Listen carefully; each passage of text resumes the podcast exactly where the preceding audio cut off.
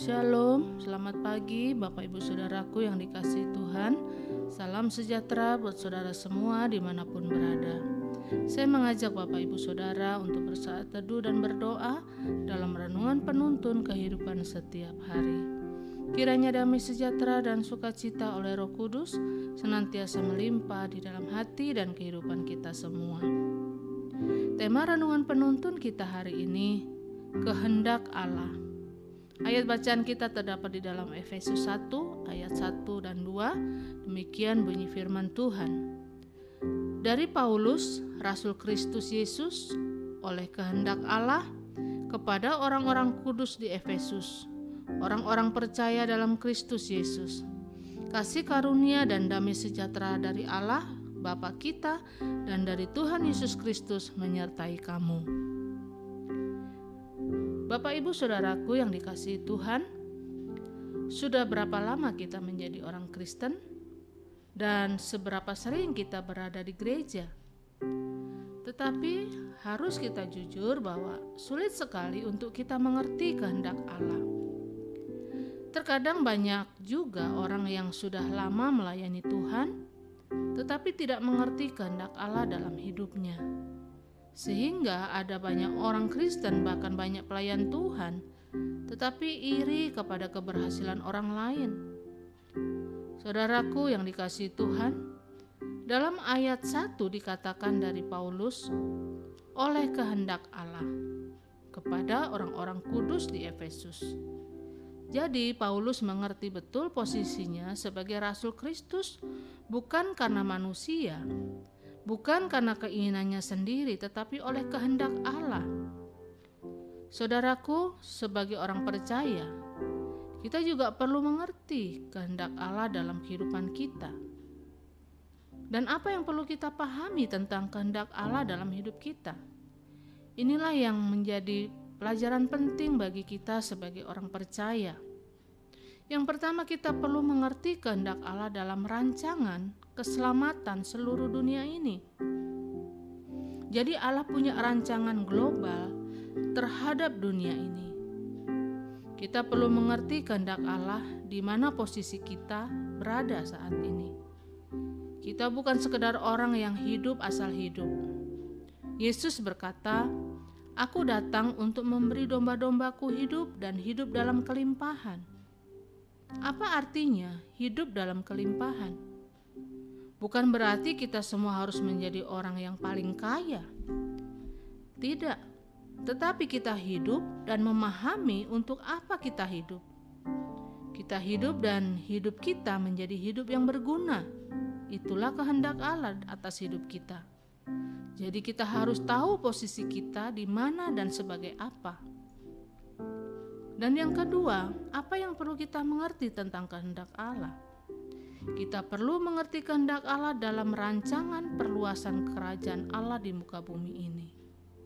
Jadi, setelah kita mengerti keselamatan secara global bagi dunia ini, maka kita perlu mengerti kehendak Allah tentang rancangan perluasan kerajaan Allah di muka bumi ini.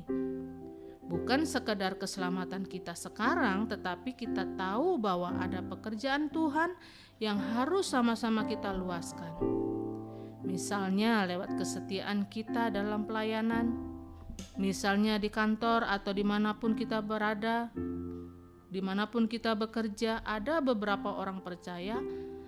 Di situ mulailah kita adakan doa bersama, ibadah bersama, maka itulah yang dimaksud bahwa kita mengerti kehendak Allah dalam rancangan perluasan kerajaan Allah di muka bumi ini, dan kita menjadi bagian yang penting di situ. Dan yang ketiga, apa yang perlu kita pahami tentang kehendak Allah? Kita perlu mengetahui kehendak Allah dalam rancangan damai sejahtera bagi masing-masing pribadi kita. Allah punya rancangan damai sejahtera bagi masing-masing kita, tetapi kita perlu mengerti kehendak Allah atas hidup kita.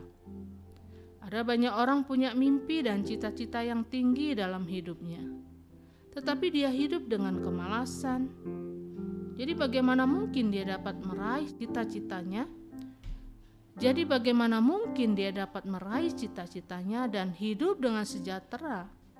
Karena orang yang malas tidak akan mendapat apa-apa, kata firman Tuhan. Ingat, waktu kita hidup malas, itu berarti kita sedang menghancurkan rancangan Allah dalam hidup pribadi kita. Karena itu, Bapak, Ibu, saudaraku yang dikasih Tuhan, sebagai orang percaya, kita harus tahu posisi kita di mana. Waktu kita mengerti posisi kita di mana, kita melakukan firman Tuhan, dan waktu kita melakukan firman Tuhan, maka terang Kristus akan terjadi lewat hidup kita damai sejahtera berkat Allah semakin berkelimpahan dalam hidup kita dan langkah hidup kita akan selalu mengalami kemenangan, keberhasilan, dan mujizat yang luar biasa. Amin. Mari kita berdoa.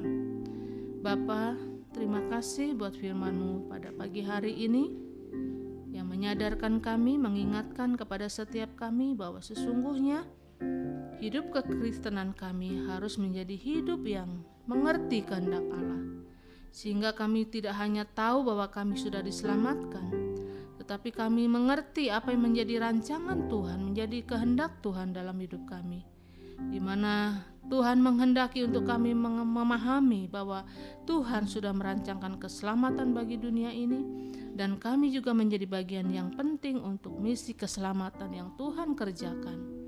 Kami juga harus mengerti bagaimana kami dapat mem memperluaskan kerajaan Allah di muka bumi ini. Karena itu pakai setiap kami anak-anakmu Tuhan untuk menjadi alat di dalam tanganmu di mana pun Tuhan tempatkan kami untuk kami boleh menjadi saksi Tuhan kami boleh menjadi pelayan Tuhan menjadi alat dalam tangan Tuhan untuk memenangkan banyak jiwa bagi kemuliaan nama Tuhan. Roh Kudus tuntun kami, mampukan kami untuk kami berjalan sesuai dengan kehendak-Mu. Di dalam nama Tuhan Yesus kami berdoa. Haleluya. Amin. Kiranya berkat yang sempurna dari Allah Bapa kita, kasih karunia dari Tuhan Yesus Kristus dan persekutuan yang indah dengan Roh Kudus menyertai kita semua dari sekarang ini dan sampai selama-lamanya. Maju terus dalam tuntunan Tuhan, tetap semangat, Sampai jumpa esok hari dalam penuntun kehidupan setiap hari, dan Tuhan Yesus memberkati.